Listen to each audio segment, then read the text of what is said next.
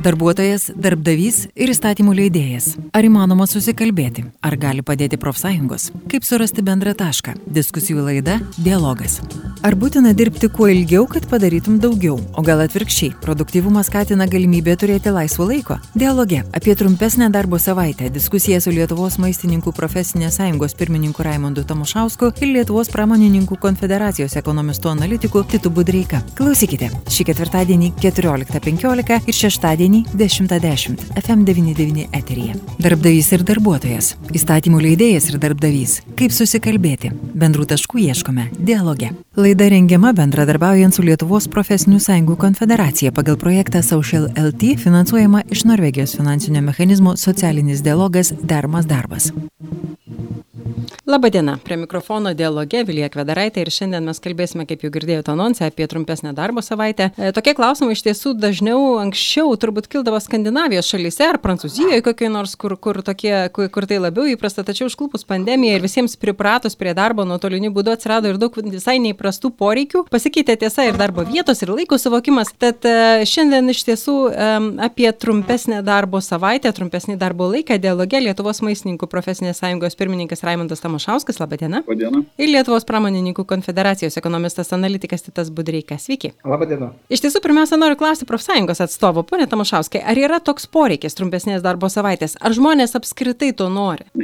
Ta prasme, jūs norite užduoti klausimą, kad žmogus nori dirbti daug, nesustodamas, iš tikrųjų klausimas netoks. Žinot, e, įpročiai yra vis tiek. ja, ja, ja, mes suprantame, jo, pas mumis yra pastatomas tas variantas, kad darbas yra vertybė ir nedirbantis žmogus yra nusikaltėlis. Šitas ateina iš tų senų laikų, bet taip nėra. Iš tikrųjų, žmogus dirba ne todėl, kad jam labai noris. Nu, 80 procentų yra nustatyta žmonių dirba dėl to, kad jam reikia iš kažko išgyventi ir pragyventi. Tai labai maža dalis žmonių, kokie 5 procentai ar mažiau, užsiema to, kas jiems patinka. Ir dabar, o kiti žmonės dirba tam, kad užsidirbti ir po to užsimti tom, kas patinka. Tai iš principo, jeigu jie galėtų šitą proporciją pakeisti, kitokių santykių visi būtų labai patenkinti. Jeigu reikėtų dirbti 5 valandas per savaitę, o likusią laiką skirti savo hobiai, visi būtų patenkinti. Čia jūs, kad taip, iš tiesų tas e, procentas žmonių, kurie matyt, kai darbas tau nebedarbas, tai iš tikrųjų turbūt nėra toks didelis. Titai, sakykit, kokia situacija tarp darbdavių? Atlyginimai pastaruosius metus augo gerokai greičiau nei darbo našumas, kuris, na, nu, yra nuo pramoninkų gerokai atsilieka. E, kaip jūs manote, ar įmanoma trumpinti tą darbo laiką, tikintis, kad galbūt dėl to žmonės nuveiks daugiau, pakeis savo darbo įpročius? Tai tie procesai iš tikrųjų stebimi jau kurį laiką.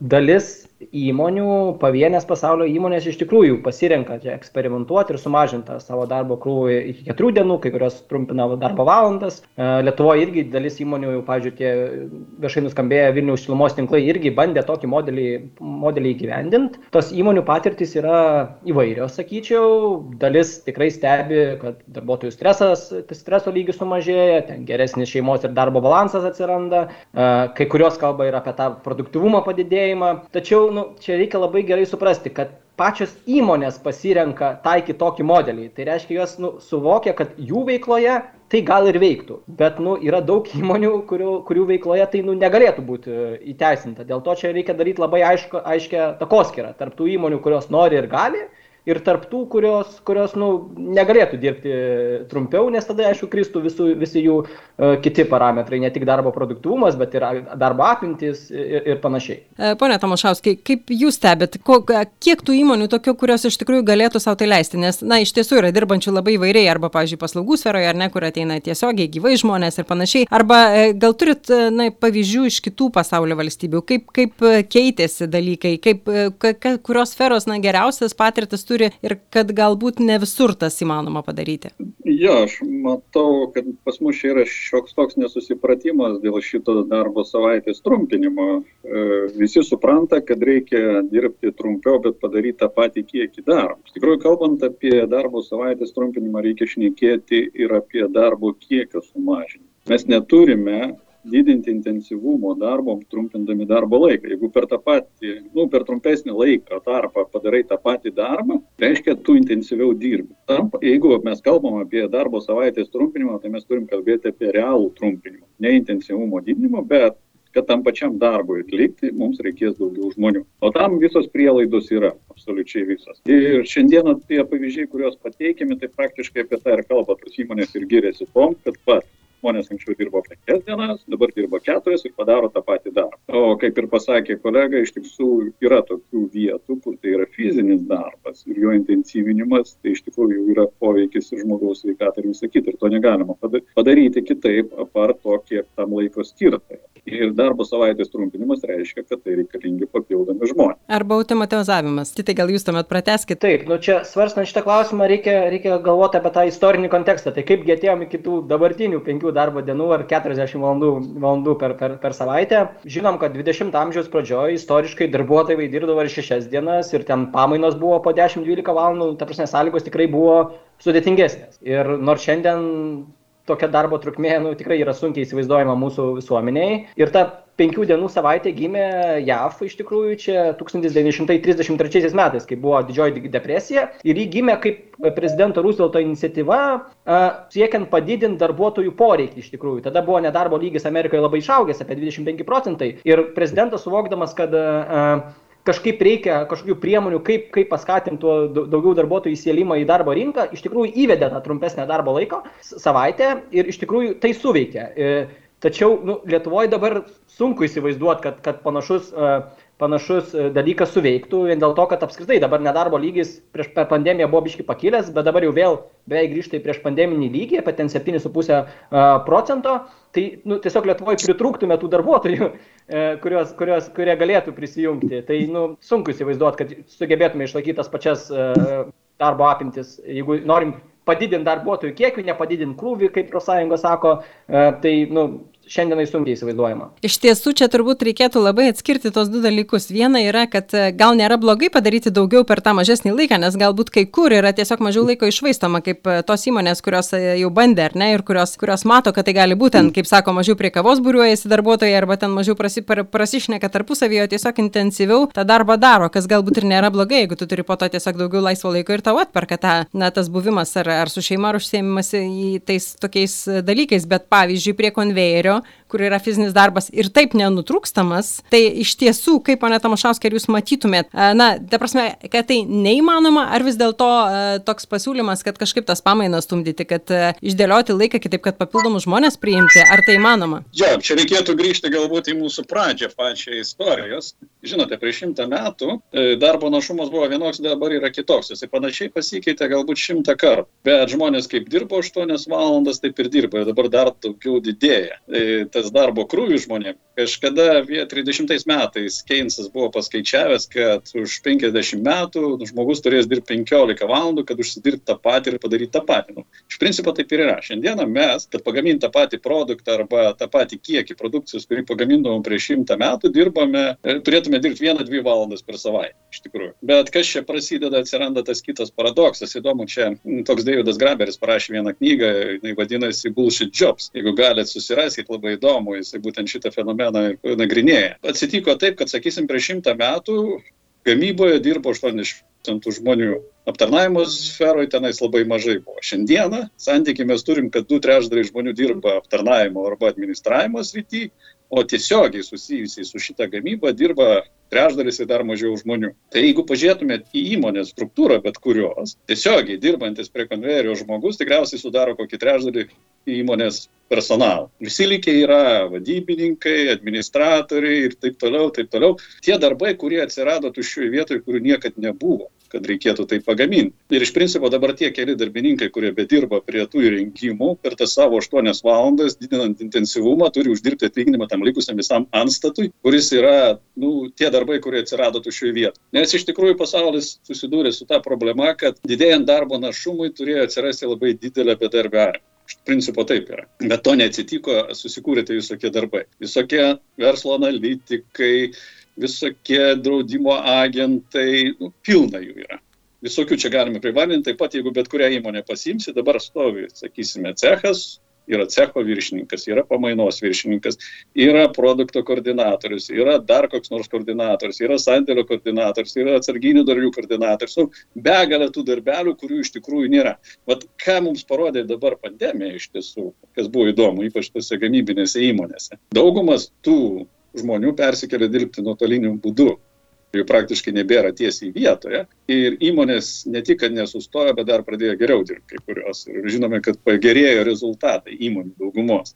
Ir būtent šitame fone dabar ir iškylo šitas klausimas, nes pasimatė iš tiesų, kad tai, ką kalba, sakysim, tie šilmos tinklai, visas kitos įmonės, kad sako, dabar pas mane žmonės per keturias dienas padaro penkių dienų darbą. Bet, žinot, yra dar kitas toksai biurokratizmo dėsnis pagrindinis, sako, kiek biurokratų bebūtų, jam visą laiką bus per mažai žmonių, kad atlikti tą darbą, kuriam skiriamas. Visa biurokratija stengiasi savo susikurti darbą, kad pateisinti savo buvimą. Ir tas vat, pandemija mums parodė, kad dabar yra begalė masė žmonių, kurių darbas, nu, kaip čia tas pavadino Graberis, yra šudmalyba. Tai yra darbas vardant darbo vien tik tam, kad būtų užimtiem. Taip sprendžiama nedarbo problema iš tikrųjų. Nors iš principo tai yra neteisinga. Ir jeigu tos visos įmonės, ta bent jau trečdalį žmonių peržiūrėtų etatus, atleistų ir padidintų gamyboje dirbančių žmonių, iš tikrųjų mes galime bent jau 30, 40, 50 procentų daugiau žmonių priimti, kad jie darytų tą patį darbą su tais pačiom atlyginimais, išlaikant tą patį apmokėjimo fondą. Nes kaip žinote, tie,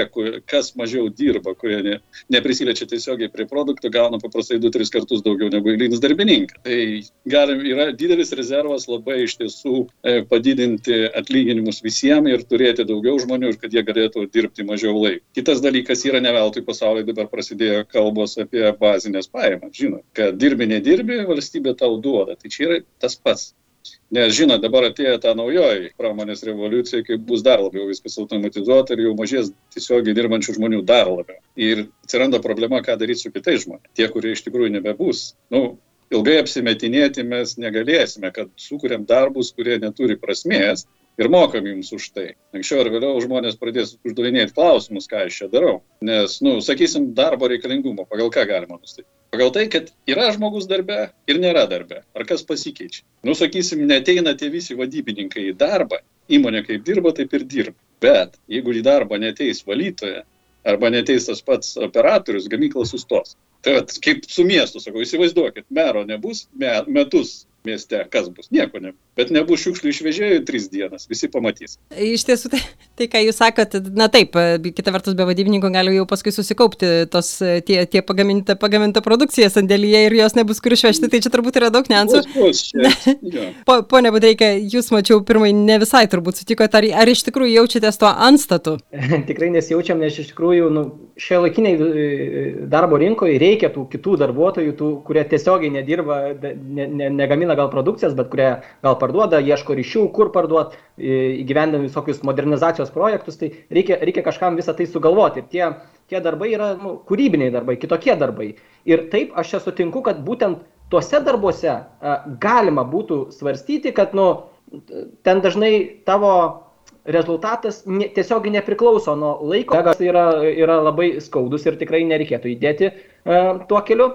Taip ir mes bandėm atlikti tam, tam tikrus skaičiavimus, tai kiek maždaug tų papildomų darbų rink, rankų reikėtų, jeigu vat, įvestume tą, tą keturių darbo dienų savaitę, savaitę tai uh, mūsų skaičiais apie 175 tūkstančių darbuotojų. Tai nu, maždaug 13 procentų Lietuvos darbo rinkos. Ir nu, čia pasakyti, kad, kad e, tegu tie žmonės išeina iš savo, e, kaip kolega įvardina, e, bullshit jobs ir, ir prisijungia prie, prie, prie gamybos, e, nu, ne, ne, nesutikčiau iš tikrųjų, e, taip nereikėtų elgtis, o naujų darbuotojų prisitraukti Lietuvai nu ir dabar labai sudėtinga. Matom, kas dedasi transporto sektoriui, e, integruojam labai daug iš trečiųjų šalių darbuotojų ir tai jų nepakanka, tas sektorius labai, pažiūrėjau, plečiasi Ir nu, jau dabar susidurėm su ta darbuotojų trūkumo problema. Ir dabar įvedus tą, tą keturių darbo dienų savaitę, staiga reikia 175 tūkstančių papildomų darbuotojų, o kur jų gauti? Lietuvos darbo rinka nu, neguminė ir, ir mes tikrai nesugebėtume čia i, i, i, importuoti iš, iš, iš, iš kitų šalių tiek darbo jėgos. Tai nu, nežinau, kaip reikėtų judėti toli, to, toliau ir nu, būtų labai, labai ba, ba, baisi situacija Lietuvoje, jeigu tokią, tokį, tokį įstatymą, sakykim, priimtume.